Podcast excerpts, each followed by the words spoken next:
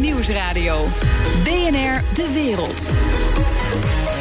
Bernard Hammelburg. Welkom bij het beste binnenlandse programma over het buitenland. Straks bombardementen in Kashmir, een gevangen genomen Indiase piloot. Loopt het nieuwe conflict tussen de kernmachten Pakistan en India uit de hand. Maar nu eerst. We had some options and at this time we decided not to do any of the options. Sometimes you have to walk.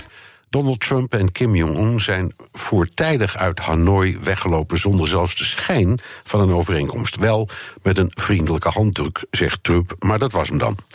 Ik praat erover met Remco Breuker, hoogleraar Korea-studies aan de Universiteit Leiden. Welkom. Dankjewel. Drukke tijden, hè? Ja, nee, hele drukke tijden. Ja.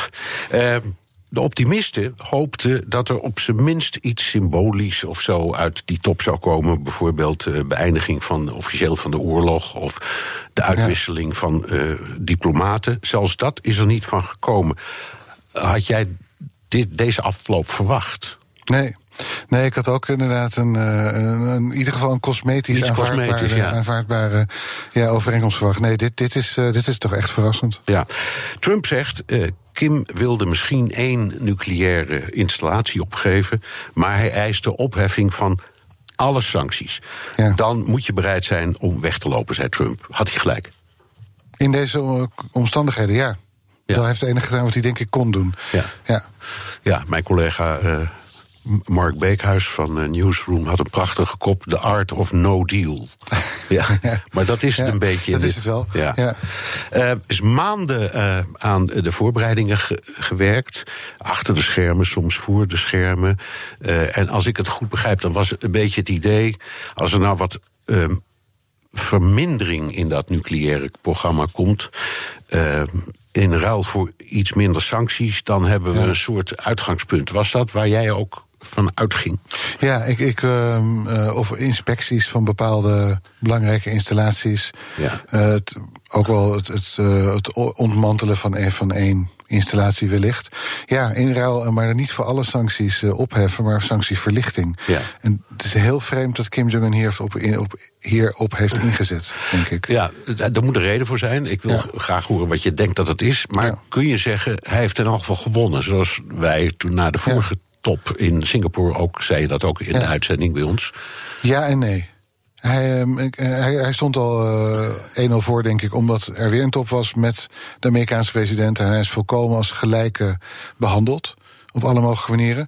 Maar hij, die sanctieverlichting had hij toch echt wel nodig, denk ik. En hij gaat naar huis, wat dat betreft, eh, zonder, zonder dat te hebben verwezenlijkt. Ja, precies. En wat betekent dat nou in eigen land? Want hij kan eh, misschien ja, eh, de frame brengen dat hij de Ja. grote imperialistische Saturn toch eh, heeft weggetikt. Ja hoor, dat lukte wel. Dat ja. lukt hem wel, maar de voortzetting van die sancties, ja, dat is een moeilijke boodschap. Ja, nee zeker. Ook omdat het toch wel echt destabiliserend werkt. Eh, zeker hoe langer het duurt, hoe, hoe erger die, die uitwerkingen worden. Ja, en dan kan je een frame aangeven of een draai aangeven wat je wilt. Het verandert er helemaal niks aan. Nee. Nou heb je natuurlijk ook China en Rusland, die, Ja. eh, laten we zeggen, een liberaler beleid voeren in de zin van sancties. Ja. Dus die nemen het niet zo nauw. Of die zeggen gewoon openlijk, wat ons betreft, is dat eigenlijk eh, onzin. Kan hij zich daarmee redden? Want hij heeft in afval die twee handelspartners. Ja, nou, het maakt natuurlijk heel veel uit. Had hij die niet gehad, dan was dit einde oefening geweest. Nou ja, misschien overdreven, maar dan was het een stuk zwaarder voor hem geweest. Het maakt heel veel uit dat eh, China en Rusland eh, zo makkelijk daarmee omgaan. Dat is zeker waar. Ja. Is het genoeg? Voor nu wel, ja. Op termijn waarschijnlijk niet, en dat weet hij ook wel. Ja. Ehm, ja, en Trump gaf in die persconferentie ook geen ruimte. Want er werd de vraag gesteld: komt er nou weer een nieuwe poging? En toen zei hij: Ik denk op dat moment ook eerlijk, ik weet het echt niet. Ik, Ja. ik zie het nu even niet. Het Ja. zou best kunnen, maar het was niet zoals vorige keer. Het is mijn beste vriend en we gaan door. Nee, het was, eh, hij, was wel, hij was nog steeds positief. Hij heeft geen, geen, geen eh, onvertogen woord gezegd. Nee. Maar hij was niet zo. Ja, hij was natuurlijk een beetje raar optimistisch gestemd verleden keer. En dat was nu helemaal weg. Ik vond hem vrij realistisch eigenlijk. Ja. Ehm, even de locatie. Het gebeurde in Vietnam, in Hanoi, waar de Amerikanen jarenlang een uitzichtloze oorlog hebben gevoerd voor heel veel Amerikanen van de, Ja. de Vietnam-generatie. Is Hanoi nog altijd, heeft altijd een hele eh, bittere eh, bijklank.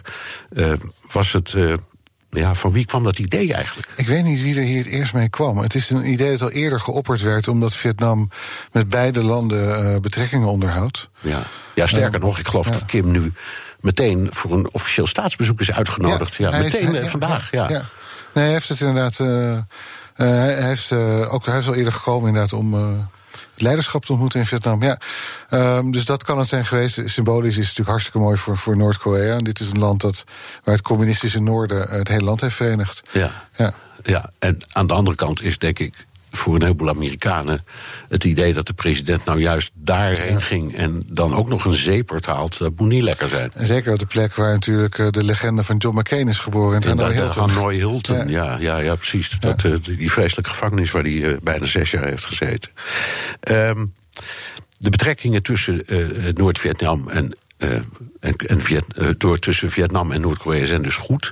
Met China zijn ze ook oké. Met Ja. Rusland zijn ze ook oké. Wat heeft eh, Noord-Korea eigenlijk nog meer eh, in het formele of het informele circuit aan bondgenoten, handelspartners, eh, politieke steun, noem het maar op? Midden, landen in het Midden-Oosten. Landen als Syrië. Ja. Ehm, eh, landen in veel staten in Afrika steunen Noord-Korea toch ook wel, ondanks de sancties. Ja, dus ehm, en ook ehm, voormalige Oostbloklanden in, in de EU. En, eh, ook buiten de EU, ja, die steunen. Nou, steunen Noord-Korea is een groot woord, maar daar kunnen ze in ieder geval wel terecht. Ja. Ja, dus het is niet zo dat hij ehm, compleet geïsoleerd is, omdat we dat idee vaak hebben, maar dat is niet het geval. Nee, hij is niet geïsoleerd, nee. En wat dat betreft heeft hij het nu wel handig gespeeld. Hè? Dat als Ja. toch, toch, maar ja, ja, als, Ja, hij is, hij is daar eigenlijk, eigenlijk wat we nu hebben gezien zijn twee staatshoofden die een probleem hadden op te lossen. Het is niet mislukt. Nou, volgende keer beter. Maar de frame dat dit een reguliere staat is met een regulier staatshoofd, ja, dat is wel heel overtuigend overgekomen. Ja. In dat opzicht heeft Kim op de lange termijn weer, weer een overwinning behaald. Absoluut. Precies. Trump zei ook, ehm, wat ik in elk geval van Kim heb gehoord, en hij zei erbij. eh, door de relatie die we hebben, heb ik geen reden om hem te wantrouwen. Is eh, dat hij voortgaat met het beleid om geen nucleaire proeven meer te doen of raketproeven. Ehm, en ja, Trump gaf een beetje de indruk van de persoonlijke relaties, wat dat betreft, goed genoeg dat ik hem geloof. Zo zei hij het bijna letterlijk. Is het acute gevaar van Noord-Koreaanse agressie geweken? Niet helemaal, denk ik. Ik denk, ik denk niet dat we eh, op, op korte termijn een, eh, een, een kerntest zullen zien. Maar rakettesten die zijn eh, toch wat minder bedreigend. Ik, dat kan heel goed hoor. Ik denk, er is toch wel echt een kans op. Ja, Ja. dus dat gevaar is niet geweken. Het gevaar is niet geweken, denk ik. Nee, dus. dus Ja. Oké, ehm, de vorige keer na de top zei jij in Singapore dat was eigenlijk niet meer dan een foto op. Was, Ja. was dit eigenlijk nog minder? Ja, ik ik vind het echt heel moeilijk om er nog wat, om er wat van te maken. Wat hier gebeurd is. De, ja, de, ehm, eigenlijk was het minder, want die mooie plaatjes van Kim Jong-un die door de straten van Singapore flaneert, die heb je niet echt uit Vietnam op dezelfde manier. Nee. Dus ja, misschien was dit wel minder. Ja. Ja. Eh, eh, vlak voor de top kwam eh, jij en jouw team naar buiten met allerlei aanwijzingen over enorme hongersnood in Noord-Korea. Hoe erg is het? Ja, ehm, st- structurele ondervoeding, dat is heel duidelijk. Eh, jarenlang structurele ondervoeding voor grote delen van het land buiten de hoofdstad. Dat is, eh, ja, dat is wel duidelijk. Dus Ja. dat is erg. Maar hebben we enig idee over de omvang? Gros, nee, nee, dat is heel moeilijk te zeggen. Ehm, bijna iedereen buiten Pyongyang. Dus dan heb je het over 20 miljoen mensen. Ja. Die structureel zijn ondervoed. En dat zie je ook aan alle medische klachten die ze hebben. En aan hun lengte. Ja, het is nog geen sprake van hongersnood. nee. Dat, dat kan komen als, een- als een oogst mislukt. Ja. Ehm, maar je hebt ook vaak hier uitgelegd. Er zijn wel degelijk inkomsten, wapens, eh, Ja. eh, drugs, eh, valse munterij, de, het verhuur van slaven. Dat gaat gewoon door, neem ik aan. Dat gaat door, maar dat komt natuurlijk voornamelijk in Pyongyang terecht. Ja, Eh, en daar, is, eh, daar heeft men over het algemeen meer geld dan men nodig heeft om van te leven. ja er, is, eh, er is van de week in Rotterdam een, een voorraadje wodka onderschept. Dat Ja. voor Kim Ja. bestemd was. Is dat een beetje een metafoor voor de stelling, nou jij noemt het Pyongyang, dat de elite eigenlijk nergens last van heeft? Ja. Die, die, die genieten gewoon door. Ja, het, gaat alleen, het kost alleen wat meer geld, omdat eh, hoe, er, hoe zwaarder die sancties zijn, hoe meer van dit soort ladingen zullen worden onderschept. Maar Ja. het groot deel komt er gewoon door. was nog een theorie die, eh, die je steeds hoorde. De afgelopen tijd is ook veel over te doen geweest. Dat het eigenlijk Trump ook erom te, te doen is. om die eh, 28.000 eh, soldaten terug te trekken. als het kan, of uit te dunnen. Op het grensgebied. En dat heeft Zuid-Korea weten tegen te houden nu, in geval tijdelijk, door te Ja. zeggen: nou dan betalen wij wel een deel van de kosten. Denk je Ja. dat dat ook een inzet is geweest van Trump? Dat dat steeds maar in zijn achterhoofd zit. Hij wil weg uit Ja. Syrië, wil weg uit Afghanistan. Hij wil eigenlijk overal weg. Bij. Het zou wel consistent zijn met eh, hoe die naar de wereld kijkt. En het is duur, 28.000 Amerikanen in, eh, in, in Zuid-Korea. Het, het zou kunnen. Het, hij noemt het wel telkens op, eh, op, op strategische momenten. Een overeenkomst nu, het ondertekenen van een vredesakkoord. Op zich betekenisloos zijn, zijn geweest, want er is geen oorlog. Nee. Had wel de legitimering van deze soldaten, de aanwezigheid van deze soldaten natuurlijk weggenomen. En de deur opengezet naar een Amerikaanse aftocht. Ja. Dus ja. Dus ook wat dat betreft, als dat een van Trumps zijn bedoelingen was geweest, heeft hij ook wat dat betreft een zeepert behaald. Ja. Ja. Goed, zo dadelijk. Wie staat het meest in zijn hemd? Is dat de Zuid-Koreaanse president Moon? BNR Nieuwsradio. BNR De Wereld. Mijn gast Remco Breuker, hoogleraar Korea-studies aan de Universiteit Leiden. Unfortunately, we didn't get all the way. We didn't get to something that, that ultimately made sense for the United States of America. I think Chairman Kim uh, was hopeful that we would. We asked him to do more. He, he, he was unprepared to do that. Um, but I'm still optimistic. Dat was de Amerikaanse minister van Buitenlandse Zaken Mark Pompeo. De Zuid-Koreaanse president Moon Jae-in, zeg ik het goed Remco? Moon Jae-in. Moon Jae-in heeft echt het vuur uit zijn schoenen gelopen voor deze top. eh, en er een politieke lot, als het ware, aan verbonden. Wat betekent dit fiasco nou voor hem? Hoe kijken de Zuid-Koreanen naar de onderhandelingen met Noord-Korea? Gaan die gewoon door, Remco? Ehm, ja, die gaan door. Ehm, morgen, of nee, op 1 maart zelfs, wordt er een heel groot eh, plan gepresenteerd. Het, het Zuid-Koreaanse plan voor de komende 100 jaar eigenlijk. eh, dat is niet helemaal letterlijk hoor, maar om, om de, de toekomst op het Schiereiland wordt gepresenteerd. Ehm, dat plan heeft natuurlijk standen wel een beetje verloren. Het ging ervan uit, eh, zeggen betrouwbare bronnen, dat Zuid-Koreaanse multinationals in Noord-Korea konden gaan investeren. Ja, En dat kan niet meer. dat kan niet meer. Eh, voor Moon, de, de, Ja. de Zuid-Koreaanse president, was dit allemaal heel belangrijk. Ja. Ehm, hoe ziet hij dit nu? Want het moet een ontzettende dreun in zijn gezicht zijn geweest. Ja, nee, ik denk de man heeft zich de haren uit het hoofd getrokken hoor. Ehm, dat, dit moet echt verschrikkelijk voor hem zijn geweest. Het was, niemand had dit op deze manier verwacht. En hij heeft ontzettend veel ingezet natuurlijk de hele tijd... om Trump en Kim ook in moeilijke tijden bij elkaar te houden. De grote Zuid-Koreaanse bedrijven, ja, die stonden allemaal klaar. Ook omdat hij ze had het opgeroepen eigenlijk eh, om, om klaar te staan... de grens over te trekken. En die grens blijft nu dicht. Ja.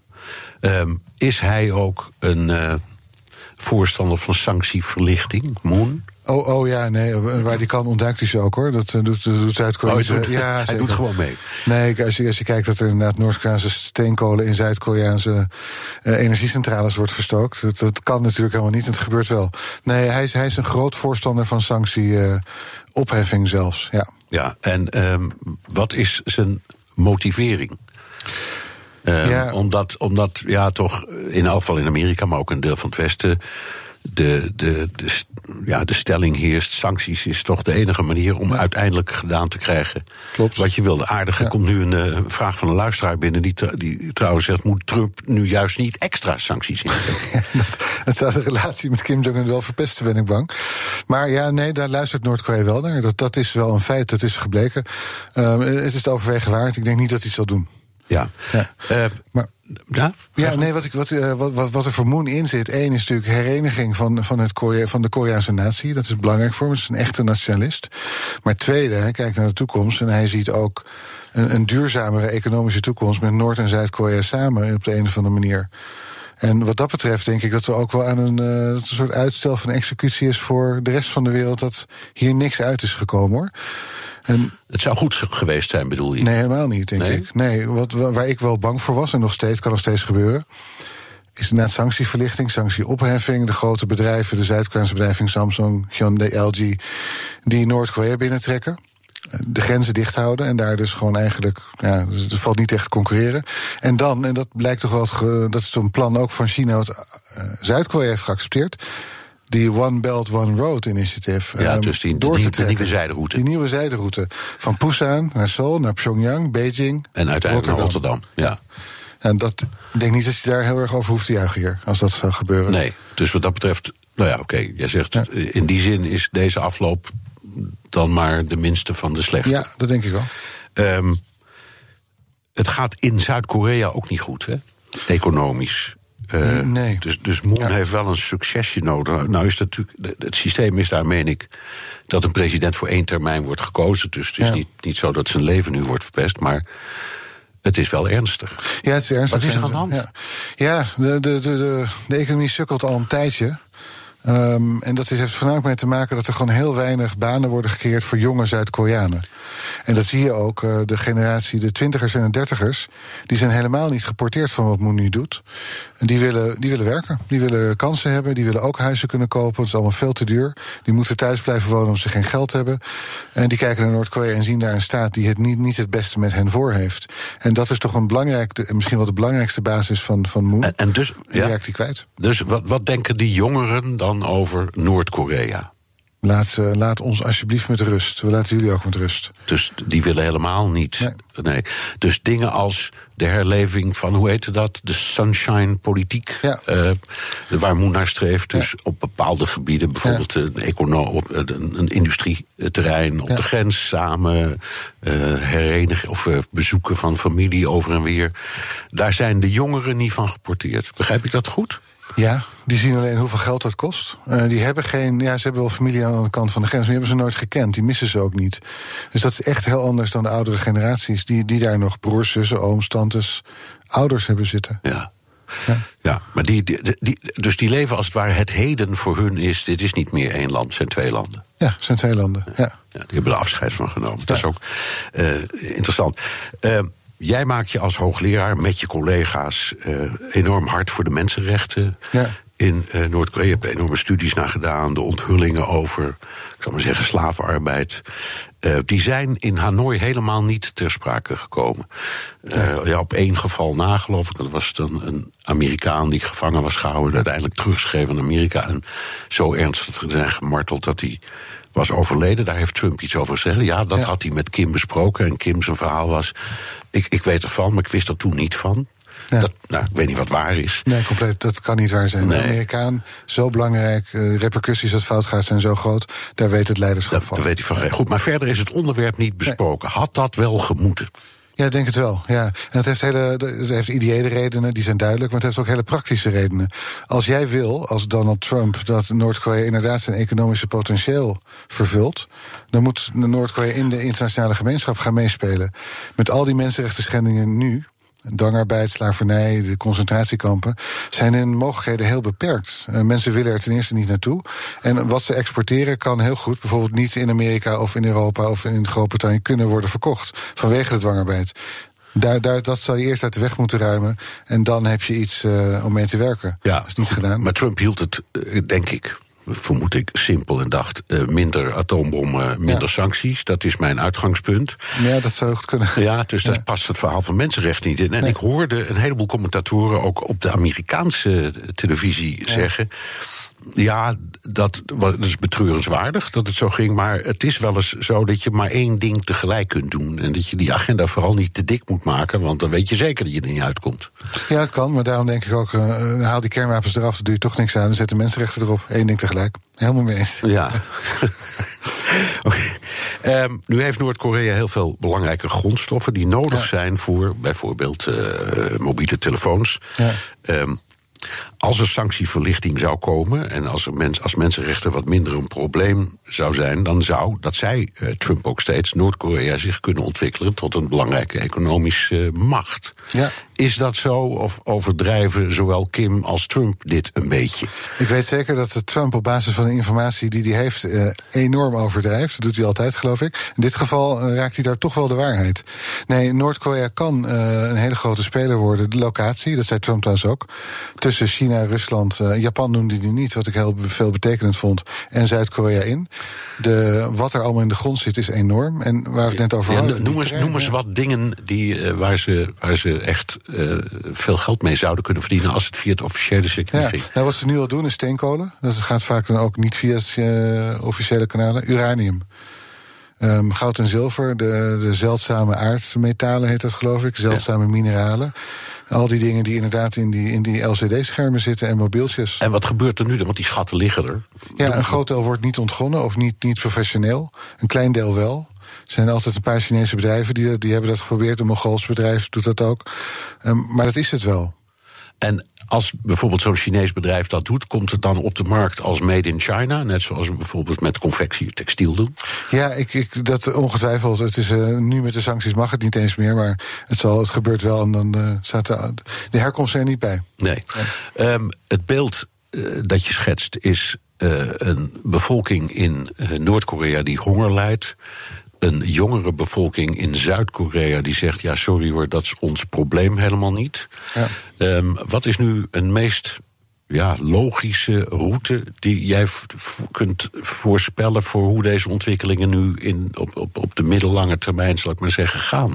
Welke kant gaat het op? Ja, het hangt denk ik heel erg vanaf wat, uh, wat de Zuid-Koreaanse president nog aan energie over heeft om hier in te steken. Ja, wat zou die kunnen doen dan? Hij zal op, op, korte termijn een nieuwe top organiseren. En dan deze keer ervoor zorgen dat als, Noord, als uh, Noord-Korea en Amerika met elkaar praten, dat er Zuid-Koreaanse diplomaten bij zitten. Die zeer gedisciplineerd alles aftikken wat er aan afspraken wordt gemaakt. Dan is nog maar de vraag of het natuurlijk wordt ondertekend.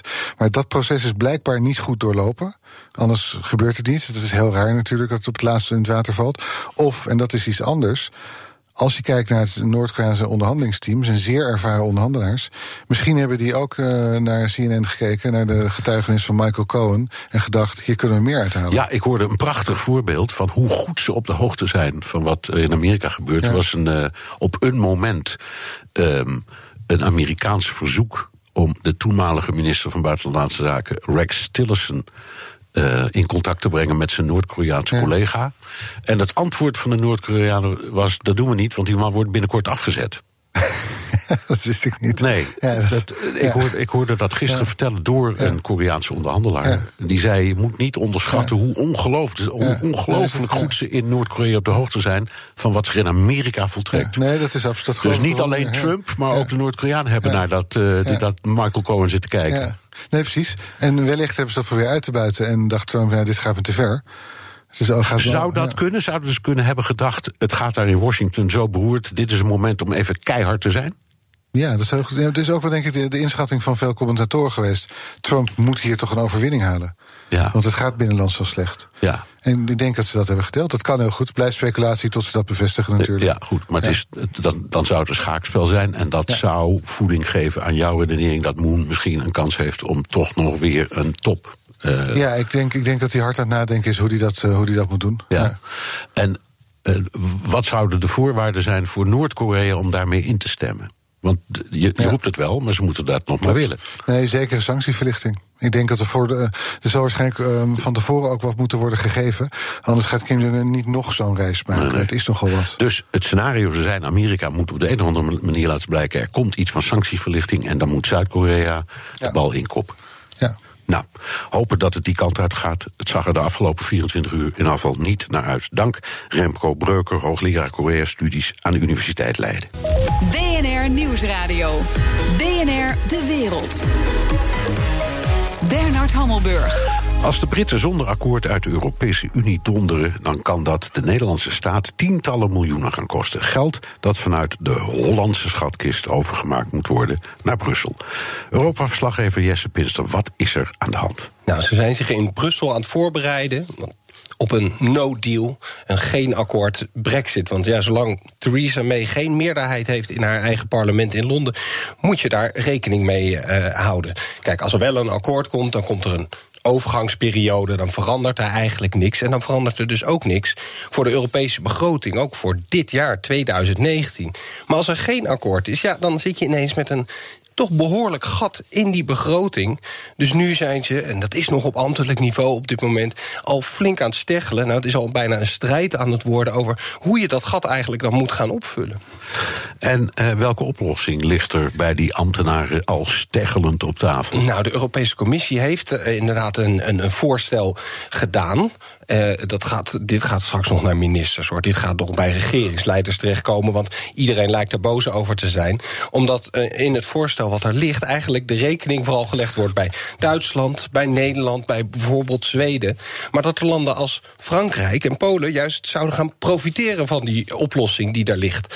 En uh, dat heeft eigenlijk allemaal te maken met de zogenaamde rebates, de kortingen. Dat is een korting die de Britten ooit kregen en die daarna ook ja, aan andere Europese landen, waaronder Nederland, is uh, uitgedeeld. Ja, ik herinner me dat, Maggie Thatcher. Ja. had dat uh, gedaan, ook van de beroemde uitspraak. Gelukkig ligt er tussen ons en Europa het de British Channel. Prachtige uitspraak. Uit de jaren 80. Ze sloeg met haar tas op de Europese onderhandelingstafel. Ja, dat uh, was inderdaad. De Britten vonden gewoon: wij bedragen veel te veel bij aan geld. wat uiteindelijk naar Europese boeren gaat. Dat was kortweg een beetje de redenatie. Nou, daar is toen inderdaad een flinke korting voor die Britten voor gekomen. Waarop vervolgens andere landen zijn. Ja, maar wij betalen eigenlijk ook veel te veel. Dus wij willen, en dat is een beetje technisch gegaan allemaal. Wij willen een korting op die korting. Dus want, omdat die Britten een korting kregen, moesten andere landen meer gaan betalen. En dat meer, daar kregen ze dan weer een korting op. Om het maar eventjes Europees uh, ingewikkeld uh, te houden. Nou is er dus uh, dit plan wat er dus nu is ingediend voor het probleem wat er nu ligt, Financial Times schreef daarover, willen ze die kortingen eigenlijk gewoon helemaal eruit halen. Weet je, Britten vertrekken. Nou, dan gaat de, de moeder van alle kortingen verdwijnt. Dus verdwijnen alle andere kortingen. En daarmee, met dat uitgangspunt, zijn ze aan het rekenen geslagen. Maar ja, daar zeggen natuurlijk juist die landen die die korting van hebben... ja, wacht even, want het FT heeft berekend dat, dat Nederland 128 miljoen euro gaat kosten. Dat het de Duitsers 728 miljoen euro gaat kosten. Ik sprak een bron in Brussel, die zei... nou, volgens mij gaat het nog meer zijn. Die Duitsers die gaan er een miljard op achteruit. Dus nee, je snapt dat die ruzie over ontstaat. Ja. Even... Uh nou, dit gaat Bern nog één klein puntje ja? Waarom is dat nou nu zo'n heikel punt? Je kan zeggen, joh, dat is voor dit jaar. Weet je, nou, dan doen we het maar een keer. Dan hebben we het in ieder geval opgelost. Maar ja, als je nu zegt, ja, die kortingen die, die gaan eruit. Dan krijg je de onderhandelingen die al lopen over die zevenjarige Europese begroting. Ja, daar komen die kortingen dan nee, nooit nee, meer dan, heb je dan, dan, dan is de, duivel, de duivel uit het doosje. Uh, hoe staat het er nou voor met de brexit? Er is nog steeds een grote kans op uh, dat vertrek zonder akkoord, toch? Nou ja, weet je, je zou natuurlijk kunnen zeggen dat die kans misschien iets kleiner is geworden, omdat Theresa May nu gezegd heeft ik sta ook wel open voor het uitstellen van die hele brexit. Dus dan is de kans op een, uh, een no-deal brexit kleiner geworden. Maar ik bedoel, ik betwijfel of dat zo is. Laten we heel eventjes kijken naar de chronologie, wat, wat er nu gaat gebeuren. Ze gaat twee weken onderhandelen met de Europese Unie. Dan uh, krijgen ze waarschijnlijk een soort A4'tje... wat ze daaraan vast mag, niet aan dat grote akkoord wat er ligt... wat eigenlijk inhoudelijk niet zoveel gaat veranderen. Dat akkoord gaat ze dan op 12 maart voorleggen aan het Britse parlement. Die gaan dat wegstemmen. Hoogstwaarschijnlijk, want die zijn ook het vorige akkoord is met grote meerderheid weggestemd. Dan komen ze een dag later terug. Dan zeggen ze: willen jullie dan een geen deal Brexit, waar we het nu dus vooral over hebben? Daar lijkt ook geen meerderheid voor te zijn. Dus dan krijg je nog eens een keer een nee. Nou, dan komt donderdag 14 maart. Dan gaat ze het parlement vragen: willen jullie dan dat we het uit gaan stellen met een paar maanden? Dat kan het misschien wel gaan halen. Maar wat krijg je dan? Dan wordt het drie maanden uitgesteld. Ja. En de afgelopen drie maanden zit er nauwelijks schot in. Dus dan kom je eind juni eigenlijk weer op dezelfde plek terecht... met even grote kans op een no-deal Brexit. Of zoals de EU onder Barnier een keer genoemd heeft, weet je, dan kom je in het terrein van een, een accidental, een beetje een onopzettelijke no-deal Brexit terecht. Dat is die oude grap. Dat, dat statistisch is bewezen dat bij treinongelukken de achterste wagen het ernstigst wordt beschadigd. Dus die, die schakelen we af. Dat is een hele oude. Net zoiets. Oké, even over dat uitstel. Als dat er nou komt, dan moet dat toch weer door alle Europese regeringsleiders worden goedgekeurd. Ja, dan krijg je dat er een week na al die stemmingen in het Lagerhuis is er een Europese top. Die stond toch al lang gepland. Die zou over China moeten gaan, wat een bedreiging is bijvoorbeeld. Of andere grote Europese uitdagingen die er zijn. Die gaat dan weer volledig over die brexit. Omdat, weet je, dat uitstel, wat ik al zei, ja, de, aan de Europese kant realiseren, realiseren ze zich ook dat ja, die drie extra maanden. Weet je, wat gaat dat opleveren? Geef ons een verhaal waarom dat echt iets gaat veranderen. Dus weet je, die gaan daar nog eens een flinke discussie over voeren. En dus je hoort zelfs al geruchten van, ja, misschien moeten we het veel langer maken. Dat we echt dingen anders kunnen gaan inrichten. Um, maar ja, weet je, als puntje bij paaltje komt, die no-deal Brexit die boven hun hoofd hangt, dan is toch de kans dat ze zeggen: nee, dan nog maar drie maanden uitstellen. Maar ja, echt van uitstel komt geen afstel. Als het meelukt om toch over twee weken meerderheid te vinden voor het akkoord, kunnen we dan opgelucht ademhalen? Nee, zou ik niet doen. Dat eh, zou je denken, dan, ah, een overgangsperiode. Ja. Gaat het allemaal goed komen? Ehm, alles wat in dat akkoord staat, moet nog omgezet worden in Britse wetgeving. Dus daar moet iedere keer het parlement weer over na gaan denken, over gaan debatteren en over gaan stemmen. En het parlement is zo verdeeld en ze heeft haar eigen partij, Theresa May, de conservatieven, zo erg niet onder controle al maanden, eigenlijk al jaren niet. Dat niets mij zegt dat ze dan ineens met al die wetgeving wel gaan instemmen. Dus het kan overal nog misgaan en dan zijn we weer bij die accidental no deal Nou, Brexit. dat was. eh, misschien komt het door je verkoudheid, maar. Dank. Vrolijker word ik er niet op, Ja, hoor. ja, nee, maar ehm, ik wou maar zeggen. Dit waren allemaal doemscenario's op een rijtje. Dankjewel, Europa-verslaggever Jesse Pinster. En zo dadelijk barst er een nieuwe oorlog los tussen de kernmachten Pakistan en India. BNR Nieuwsradio. BNR De Wereld. Spanningen tussen de kernmachten India en Pakistan. There is a real atmosphere of fear in the disputed region of Kashmir. Many people, particularly along the border, are packing up their things and they're leaving their houses because they are worried war will come. Pakistan heeft op zijn minst één Indiaas gevechtsvliegtuig neergeschoten. De piloot is even vastgehouden. Eh, het was een reactie op een Indiaas bombardement eh, in Kashmir. Blijft het hierbij of wordt het een nieuwe oorlog? Ik praat erover met Carolien Scholte, historicus aan de Universiteit Leiden en gespecialiseerd in Zuidoost-Azië. Welkom. Dank.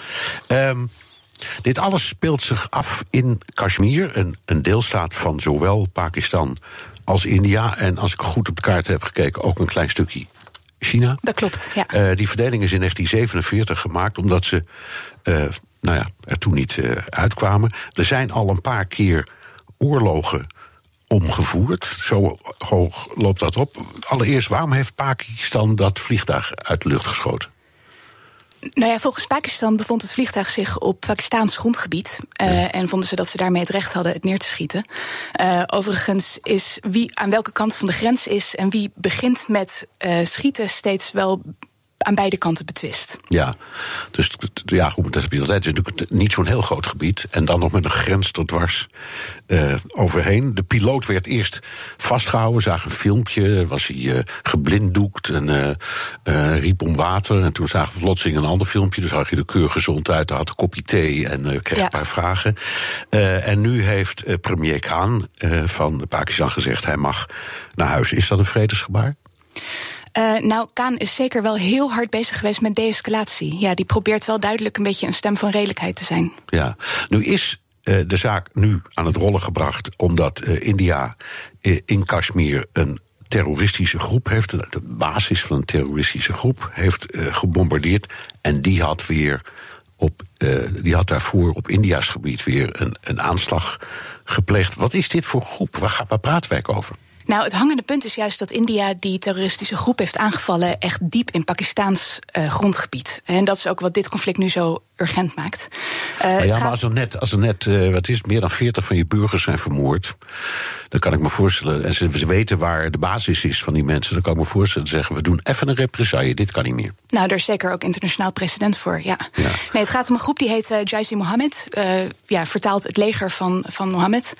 Eh, het is een voornamelijk Kashmiri-groep die inderdaad vanuit Pakistan eh, lijkt te opereren. Hoewel het ook in Pakistan een verboden groepering is. En die hebben eerder de, eh, in, in februari deze maand hebben ze een grote aanval uitgevoerd op Kashmir. Ja. Laten we even praten over eh, Kashmir. Eh, als ik het me goed herinner begrijp. dan is eh, na de Britse periode, toen Brits-Indië werd verdeeld in India en Pakistan. er een soort van eh, vraagteken gekomen van wie is Kashmir nou precies. Eh, en uiteindelijk, als ik het goed begrijp, heeft een pro-Indiaanse meneer gezegd: het, het hoort bij India, daar is gedoe over gekomen, toen is er een grens gekomen. Waarom heeft zich dat allemaal zo afgespeeld? Ja, dat klopt ongeveer. Uh, Kashmir was een van de, de zogeheten vorstenlanden. En die kennen we eigenlijk allemaal wel van, van namen als Raja's, Maharaja's enzovoort. Dus dat waren gebieden die in de koloniale tijd ook nog steeds onder Indiase prinsen, Indiase vorsten stonden. En Kashmir was er zo eentje. Kashmir had een Maharaja. Uh, dat was zelf een Hindoe. Uh, en die regeerde over een grotendeels moslimbevolking.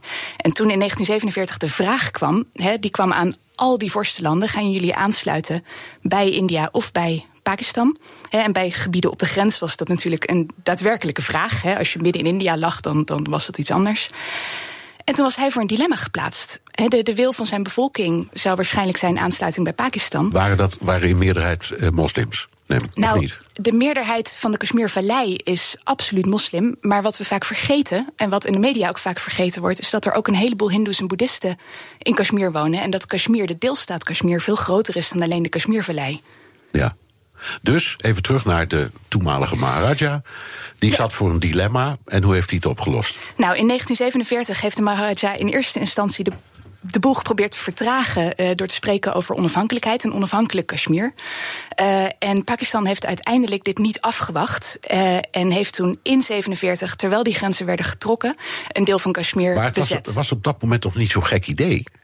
Uh, het, het, het, het, heeft een heel eigen karakter. Het kenmerk van een volk is, uh, nou ja, uh, eigen geschiedenis, eigen geografie, eigen godsdienst, noem maar op. Zo'n heel rijtje die de definities samen maken. Dus waarom is Kashmir niet inderdaad gewoon een onafhankelijk land geworden? Nou, waarvoor gevreesd werd, en, en dat is natuurlijk altijd de vraag: wie is uiteindelijk de, de, de meerderheidsbevolking, wie vormt een regering? Dit is een hele pluriforme, multiculturele staat. En het was niet zomaar gezegd dat de hele bevolking voor onafhankelijkheid was. Uh, Hindoe en, en, en boeddhistische bevolking was uh, grotendeels voor aansluiting bij India. De meerderheid uh, van de moslimbevolking was voor aansluiting bij Pakistan, dan wel onafhankelijkheid. Maar er is nooit een eenduidige meerderheid voor onafhankelijkheid geweest. Nee, maar als, als ik goed begrijp, is dat ook bijna niet mogelijk. Want het is echt een uh, een melee van alle mogelijke uh, groepen en godsdiensten. Ja, absoluut. Ja. Dus uiteindelijk hebben ze gezegd, nou dan hakken we het maar in tweeën. En, en, en dat was uh, de lont in het vuur. Ja, want daar is echt een oorlog over gevoerd. Het was niet een, een diplomatieke oplossing, we hakken het in tweeën. dit was de eerste oorlog van India en Pakistan over Kashmir. Ja. Meteen in 1947 bij ja. de onafhankelijkheid. En er zijn er nog meer geweest. He, dit was niet de enige. Eén van drie, ja. Eén van drie. En elke keer, waar gaat dat nou over? Want als ze. Je, je kunt zeggen, goed, het, het was in een conflict situatie, maar ze hebben uiteindelijk een grens of een bestandslijn, noem het zoals je het noemen wint, gevonden. Waarom dan toch gewapende conflicten, oorlogen? Uh, die lijn is grotendeels stabiel. Uh, dat is waar. Maar in 1962 bijvoorbeeld heeft China dus ook nog een deel van Kashmir bezet. Dat is bijna 20% van het territorium. En uh, gaat het om hele grote gletsjers, ook watervoorzieningen, die voor beide landen van heel groot belang zijn. Waardoor er echt nog wel een aantal keer is geprobeerd om aan, nou ja, eh, toch het, het, knabbelen aan die bestandslijn uh, te komen. Ja, uh, als wij als leken Kashmir horen, dan denken we aan wol. ja, komt mooie wol vandaan, mooie truien, ga zo maar door, sjaals. Maar het is dus meer dan alleen maar wol. Het is absoluut meer dan wol. Uh, de, de Indusrivier, dus de, de rivier waar, waar India in ieder geval in alle Europese talen zijn naam aan ontleent, die stroomt dwars door Kashmir. En dat is het enige grote ja, drinkwatervoorziening van Pakistan. Ja, dus het heeft strategisch, maar ook uh, maatschappelijk een enorme betekenis. Ja, absoluut. Er wordt natuurlijk vaak gezegd: de volgende grote oorlog gaat over water. Nou, als dat ergens gaat gebeuren, is het hier. Ja. Zowel voor India als voor Pakistan zijn er miljoenen mensen afhankelijk van de watervoorziening die in Kashmir uiteindelijk, hè, dat ontspringt in de Himalaya. En dat loopt eerst door Kashmir heen. Ja, er zijn, nou ja, je zei het, er zijn drie oorlogen over gevoerd. Zijn dat steeds dezelfde criteria, factoren waardoor die oorlogen ontstaan? Of is het elke keer net weer iets anders? Nee, de aanleiding is elke keer anders. En, ja. ja en leg dat dan uit, want tot nu toe begrijp ik het. Je hebt moslims, je hebt hindoes, je hebt nog andere. Uh, het was al heel moeilijk om aansluiting te bedenken bij een van de twee landen. Dus uiteindelijk zijn ze in tweeën geknipt. Waar gingen die conflicten dan elke keer om? Nou, in 1999 bijvoorbeeld, dat is de meest recente die we ons allemaal ook nog ongetwijfeld kunnen herinneren, uh, ging het om uh, Kargil. Dat is een hele belangrijke strategische pas in het noorden van Kashmir. Uh, en waar het vervoer ook de vallei in op een cruciale manier door ontsloten of juist afgesloten kan worden. dat was in 1999 de concrete aanleiding voor een echte oorlog, die ook als, als zodanig, hè, de Kargil-oorlog, wordt aangeduid. Die pas was niet eerder een probleem geweest. Nee, en die andere twee, of één, noem er maar één, had dat een andere aanleiding? Nou, in 1984 bijvoorbeeld is er heel hard gevo gevochten om een van de grootste gletsjers uh, ter wereld, de Siachen Gletsjer. En dat ging dan weer om de watervoorziening uiteindelijk. Ja, en die, die wordt nog steeds door India bezet gehouden. Ja. ja. Uh, nu heeft uh, premier Khan van Pakistan sussend gereageerd, hè, meteen al. Die ja. zeiden: we willen dit, zoals dat dan heet, deescaleren. Hij heeft nu die piloot vrijgelaten. Modi, de, de, de premier van India, hoor ik niet. Wel zijn minister van Buitenlandse Zaken met een vage opmerking, maar Modi zelf niet. Wat zou hier aan de hand zijn? Waarom, waarom zwijgt hij? Waarom zegt hij niet: nee, we moeten dit sussen? Nou, het is altijd moeilijk natuurlijk om uitspraken te doen over wat iemand niet zegt. Uh, maar feit blijft in India, er komen verkiezingen aan. Uh, dat is een kwestie van weken inmiddels, niet langer van maanden. In, in april waarschijnlijk al. En uh, voor Modi op dit moment die wint electoraal gezien enorm veel met een harde lijn richting Pakistan. Dus uh, heel expliciet gaan descaleren is op dit moment niet politiek aantrekkelijk voor nee. Dus dan denk ik even in zijn hoofd. Dat bombardement heeft plaatsgevonden. Dat vond waarschijnlijk zijn aanhang prachtig. Zeker. Ja. Maar als hij nu in het openbaar daar iets over zegt, dan is hij die aanhang misschien zo weer kwijt. Als hij zegt, nou, we gaan nou toch maar weer met Pakistan praten, is het bij wijze van spreken voor niks geweest. Ja, dat. Maar uh, het, het andersom, he, denkend dat Modi nu nog hardere taal zou gaan uitslaan, dat is dan weer heel erg gevaarlijk. Want juist die, die, die schermutselingen tussen India en Pakistan uh, over Kashmir, die kennen echt een patroon van escalatie en dan hele bewuste de-escalatie van beide kanten. En als Modi daarmee breekt, als die nu harde taal zou gaan uitslaan, ja, dan moeten we ook vrezen voor een, een andere afloop dan de afgelopen Nou, zeg, zeg maar gewoon, dan moeten we vrezen voor de Vierde Oorlog. Nou, dat is zeker mogelijk, ja, ja. Dat is iets waar je wel rekening mee houdt. Nou even, ja, het klinkt heel stom, maar wat kan het ons schelen? Het is heel ver weg, het is een lokaal conflict, dus waarom zouden wij er wakker van moeten liggen? Nou, het is op dit moment een lokaal conflict en dat blijft het hopelijk ook. En als de, de geschiedenis een indicator is, dan is de kans op de-escalatie ook veel groter dan op escalatie. Maar het gaat om twee atoommachten en dat mogen we echt niet vergeten. Nee, uh, twee atoommachten die geen van beide het non-proliferatieverdrag hebben getekend. Precies. Dus ze zijn het eigenlijk ook illegaal. Ja. Heb je enig idee over de omvang van hun krijgsmacht en hun nucleaire arsenalen? Nou, dat is natuurlijk lastig, omdat onderdeel van het feit dat ze geen officiële kernmachten zijn ook betekent dat het internationaal toezicht beperkt is. Maar om een indicatie te geven, naar de laatste schatting heeft India ongeveer 110 kernwapens. Dat is niet weinig overigens. Pakistan is een kleiner land, uh, maar heeft er na de laatste schatting 140. En dat is een schatting uit 2017 en die was groter dan de schattingen uit de jaren daarvoor. Dus de, de verwachting is wel dat Pakistan de afgelopen jaren zijn arsenaal ook echt heeft uitgebreid. Ja, nu zijn er uh, in de loop van de jaren rare dingen gebeurd.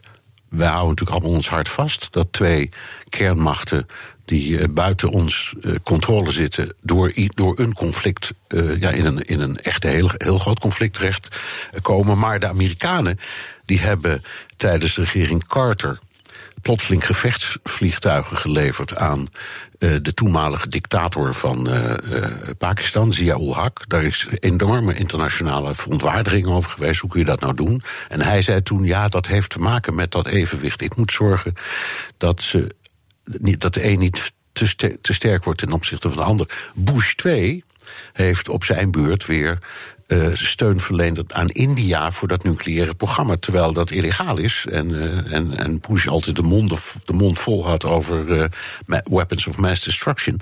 Dus heeft dit ook te maken met de rol die Amerika, of misschien ook andere grote mogendheden, in dit conflict spelen of hebben gespeeld? nou.